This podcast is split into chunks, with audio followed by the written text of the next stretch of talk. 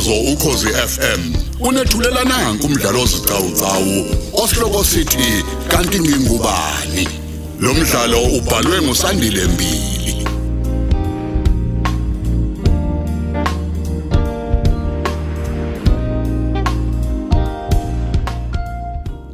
Lalela esamashumi amabili nambili.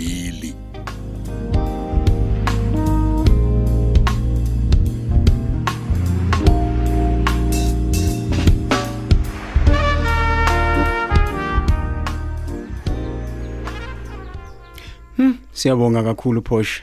Hey, ubushayile impela la. Hayi bekumnandi kakhulu kudla. Futhi uyazi bekukhona zonke izinto ezidliwa kwisidlo sasekuseni. Awu bakithi kujabula mina uma ngabe nikujabulele gatsheni. Hayi, kusobala impela ukuthi uma sesishadile ima abantu bezosibona kahle ke sesicwebezela. Hayi, ngiyakutshela wena siyoturuzela ngenxa yokuphekelwa kamnandi. uyazi uqinisile baba phela nje hawu mina nawe baba selokhu nje kwashona umama hawu besingapheki inhlobo nje into esile la besijwayele ukuziphekela irice lelo noma uphuthu mhlawumbe istambu ke nesishebo ke Hayi Bese uyishiya kube phe isaladi kabhontshisi nje. lobu ngimele ngawo. Ekabhontshisi uyishiya. Kodwa bakithi. akusaphathi ke kwe-breakfast uma nje siphohloze amaqanda sadla nesinkwa hawu mhlambe ngesinye isikhathi makwenzekile-ke nje besipheka iphalishi kube sekuphelileke Hayi, uqinisile impela lapho esimpiwe. Kodwa ke khona maduze kuzoshintsha lokho ngiyabona. Hey. Ngaze langincoma bonani yazi. Sengiswele ngisho umgodi wokucasha phela manje. awu awuzi sisiphusha wakwacasha yini umuntu uma enconywa Hayi bo phela lo senikwenza sekungishayisa ngamahloni ke mina. sisiphusha ngiyabonga nje mina kakhulu ukuthi ufike ukufika nje kwakho kusho likhulu nokuzochitha nje isikhathi nami kanye nobaba Ngiyabonga.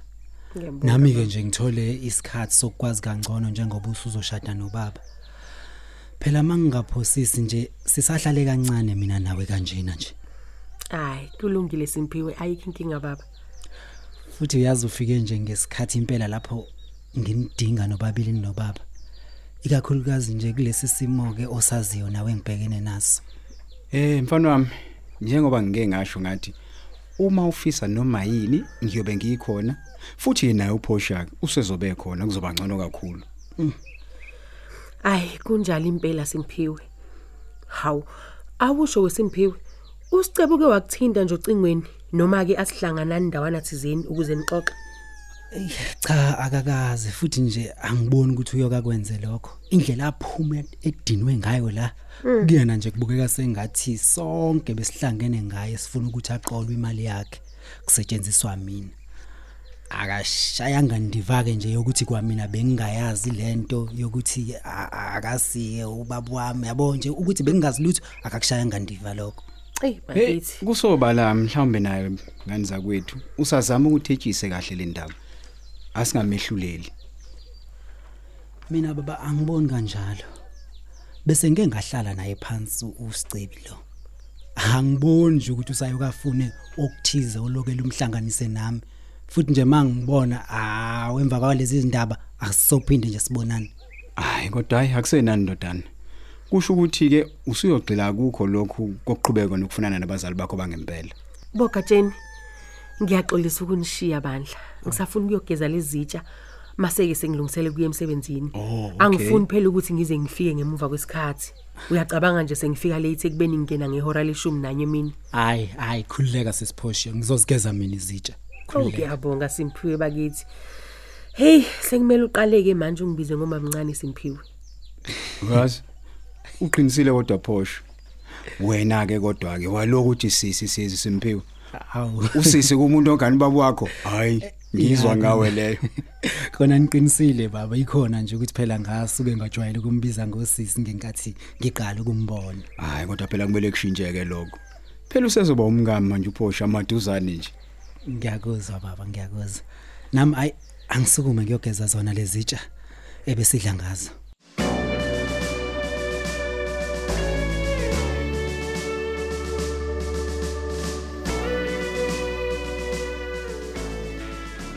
Hawu. Yini sister Mkhonza? Wangena uhalazela nje kangaka kwenze njani ujaha ubani? Ngiyakwazi phela wena uma ungena ugijima ngaka sekukhona into ofuna uzoyisho. Kwenze njani?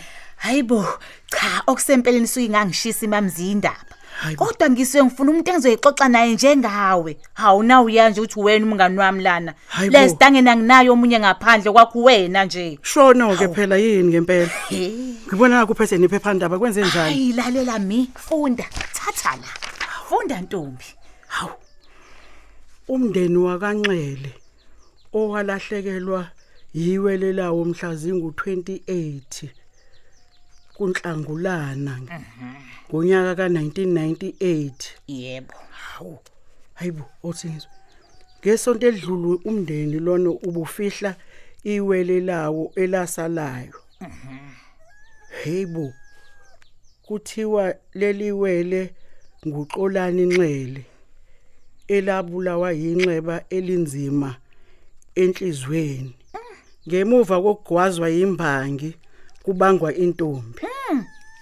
Kuzokhumbuleka ukuthi uxolani wahlukana nomfowabo umxolisi.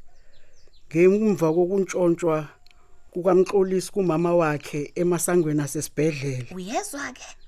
hey namanje abakanxele basamfuna umfana wabo owalahleka eneyinsuku nje ezelwe. Hayi, bathi abazi noma usaphila noma cha Uyayizwa ke indaba mamzimela? Uyayizwa ke indaba? hayi ngizwa kahle sister Mkhonza kuyacaca ukuthi lo mxolisi lokhulunywa ngaye la uye kanye usiphiwe lo Yes. Manje uthi akwenziwe njani ke? Senze njani makunje? ey angazi sister Mkhonza kodwa uyazi ukuthini ungathola ukuthi vele sebeyazi le ndaba osiphiwe benoyisi njengoba nje sigcwele emaphephandabeni Mhlawumbe ke futhi abayazi. Mina ke ngoba angilali ke nje vele endleleni njengamanje ngifonela uNdlovu ngiyamazisa ngaleli phephandaba. Khona kuzothi bemsebenzini alithenge naye azibonele. Atshengise nosiphiwe alifunde naye. Hayi nalokho ke bandla uma ubona ukuthi hayi icebe elihle lelo. Eh. hayi ungavese wenze njalo akunankinga. Awu ke nazo ke ushentshweni bengifuna umuntu ozongivumela mamziya umngani wami wena.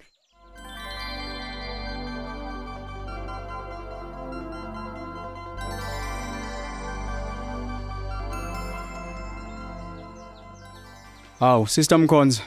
Ninjani kodwa? Hawu siyaphila mkhwenyana wenu njani? Hayi siyancenga ncenga nje lokho ngisho lutho. Hawu umfana yena kodwa unjani? Hayi naye umfana uyazama ukuncenga nje kwaphela. Sekuphela iviki yizeke noma ubone ukuthi hey usacabanga kakhulu. Nanokuthi ke nje usazivalela ke nje egumbini lakhe. Iw, kwakubi ke lokho. Awusho ke kodwa uke walithenga nje iphepha ndaba la namhlanje lesizulu. Hayi lutho. Empeleni nje ayi angiyena umuntu wamaphephandaba. Mina nje ngizithandela ukulalela umsakazo nje kwaphela. Hawu, kahleni bo. Ngiyakutshela. Unogada onjani ke wena ongalithengi iphepha ndaba? Ekubeni onogada bamanje sebehlala benamaphepha ndaba abo endlini zabo zokusebenza. Hayi ke kahle khohlwa ke kulethe impela hayi ngeke uzulithola ngabulawa yikona. Yini tshela mina kunani ephepheni? Hayi bo. Abazali bakaSimphiwe bayamfuna. Umndeni wakanxele uyayifuna indodana yawo yolahleka. Hayibo hayibo hayibo. Unesiqiniseko esingakanani sokuthi yibona? Nje ngizwe egazini Ndlovu yibo. Hayi mawusho njalo kulungileke. Ngizocela uphosha mayisephume ekefini ukuthi angiphathele iphephandaba la eSpars. Ikhona ke ngizobe sengazi ukuthi ngibheke ukuthi yini loda ngiyiqalazi.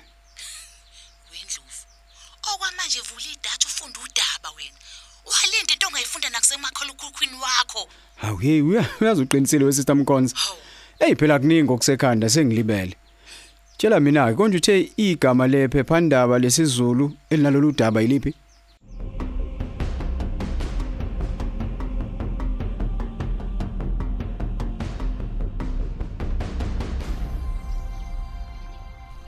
Mawami. Mm. Sengiyosala kahleke. Mm. Nami sengicabanga ukuthi ake ngilungisele ukuphindela le emqashweni phela kusasa kumele ngibuyele emsebenzini. Hey sekuyikho njalo ayikulungile mntanami. Khona bakusizile bo emsebenzini wakho bakunika lezi insukwana ukuthi nje uzolungiselela ukufihla umfowenu. Hey, ma. Eh bengingaba yinje kodwa mntanami ngaphandle kwakho wo nkosi yami. Hawu ma kodwa bebekhona nje abanye babekazi nomzala We, bebesiza oho. nje. Basisize kahle. Uqinisile khona bebekhona impela oyihlokazi labo kodwa phela awu Sengisho nje ukuthi ngoba uwena phela obuhamba uphansi phezulu uqiqa lezi zinto zoma sincwabisane. Nihamba nobaba wakho bebengeke bekwenze lokho bona. Hayi kezakala mawami. Hayi ke uma ubaba sebuyile nje usuyomtshela ukuthi hayi sengihambile mina. Mhm. Angiboni ukuthi airtime ngizoyithola manje. Mhlawumbe ngizoyithenga mase ngifike ePine Town before ngigibele itaxi eyendlini. Eh siyongitshela yena ukuthi hayi ngihambile ngiyobuye ngimpone. Hayi ngizwa kahle ngani yami kuzoba njalo. Kodwa ke khululeka ngiyomazisa nje uyihle ukuthi usuhambile ungabi nankinga. Woo senizongishiya nesingakanani izungu manje Nkosi yami. Hawu ma. Kanti bekungcono nje sihlalele noxolani la ekhaya njengoba yena phela ubesebenzela khona le mgungundlovu ebuya futhi njalo ntambama ezolala la ekhaya. Eh masuthini. Isimo phela esiphoqayo. Njalo. Nangayikho nje into engayenza bangabe ngivelelwe ithuba lomsebenzi ngaphandle kwala emgungundlovu. Kanye nobaba nje futhi nje besegoli. Yaphoqa. Hayi uqinisile ke lapho ngani yami. Kodwa ngcono ngoba nje noyihle utho uzocela emsebenzini wakho ukuthi bamshintshe. Bamshintshele kuleli igatsha leli lilana. Ehe. Hayi la emgwindlovu ebuyeke. Awu ngizokuzoba ngcono kanjani nje. Eh, kodwa nawe ma uyayisholo nje mangabuthi uzoba nesizungu. Njengoba nje umamthabethe umngane wakhe ehleze la ekhaya, ayiphela kapheli la ekhaya. Ungitshela ngaloyo. Uloyo nje uhlalela uzong- uzongigobhozela nje indaba zabantu. Eh, Ayisuka, khona ayisuka. lokho nje kukuchitha isizungu nje ma. Hayi, suka. Futhi ke nje ngcono ngoba ubuye uyiyele lapha yana einganeni eziyindandane nje uyichithela isizungu nakhona yabona. Phela vele mina ngibi nankinga wentombazane yami. Indaba nje izoqala ebusuku noma ntambama. Sengingedwa lapha ekhaya noyihle sebuyele emsebenzini wakhe le goal. Mm. Hayi bandla. Khuleka ma. Angithi nje noma makabuli nje uma ingane kaxolana ukuthembisile ukuthi ungamlanda noma yini umzukulu wakho mangabe umdingo. Okusho ukuthi nje ngeke uzobe nesizungu ngoba ngamane uyicelela ingane akulethele ingane. Hayi hayi hayi hayi hayi. We, ayangicabanga nje ukukhuluma nalo Satan obulalisa ingane yami. Angimfuni noma ngimbone loyo. Angimfuni la ihambe khona. Ma, Kodwa nje angithi bayachaza babekhona ngesikhathi uxolana eshona ukuthi lo mfana lo owamgwazi uyena wasusa uchuku. Hayi. Hawu efuna ukuhamba nomuntu wakhe ngenkani. Hayi, hayi. Eh eh kwayikhona lokho nje. Ukube nje akazange bekhona empilweni i- i- yomntanami yabona. Ngabe nje umntanami akafanga. Hayi, ngabe isaphila namanje ingane yami. Hayibo. Hey ma, hayi. Hey. Hlisa umoya. Angithi ngabe umntanami usaphila. Uthi angehlisa umoya ngehlisa umoya wani. Uxolani ngabe usaphila namanje. Kodwa ma uyiphathisa ngenhliziyo ebuhlungu Hayi. ngalento. Hawu. Uma ingane kanaqala kuyo yonke lento. Hayi. Awu, Yazi nje indlela okhuluma ngayo ma eh ngathi nje usayithandisisi nje nengane kaxolani kahle. Mhm, hayi ngoba kunjalo. Ha eh hayi surprise ungangizwa kabi angishongo impela kanjalo. Phela nami nje bengisho indlela engizizwa ngayo ngokushonelwa ingane yami. Kukuphela kwakhe. Ngoba phela ngikhuluma nje iwele lakhe angazi noma lisaphila yini noma selafa lapho likhona. Hayi. Eh iyabona nje futhi ma uma ukhuluma indaba kaMxolisi inhliziyo yami ivele ibibhlungu kakhulu. Ayidluli kodwa yami mntana mayidluli. Okuyimina ke ngaba budede nganikeza intombazane engingayazi ngathi ayingibambela ingane yami kanti izoyintshontsha. Awu ma Hayi. ungayijezisi kanjena ngiyakucela bani. Kufanele surprise. Kufanele ngoba ngikhuluma nje uma sixabane nobaba wakho usangikhumbuza le ndaba yami yokulahla ingane yakhe njalo nje. Awuncese ma. Awu yazi mina kodwa ngisanethemba nje lokuthi mhlawumbe umxolisi usaphila futhi nje njengoba nodaba lethu ebuyele kulona laba bamaphephandaba ngemuva kokudlula kwaxolana mhlawumbe nje usangavele ngiyakutshena ma sibe nethemba. Ey. Ya. Mina nje ngisathembi lutho mntanami. Eh uJehova nje waziyo konke sengikubeka kuyena. Hamba futhi manje nawe mntanami kuhlwa ngoba umnyama. Uyobe ufike nini nje ko yikuphi lapha nekusembo? Uyobe Embo. ufika nini nje embo lapha? Hayi uselapha ngalesikhathi hamba. Hayi qinisile ma kukude ngempela embo. Usale kahle.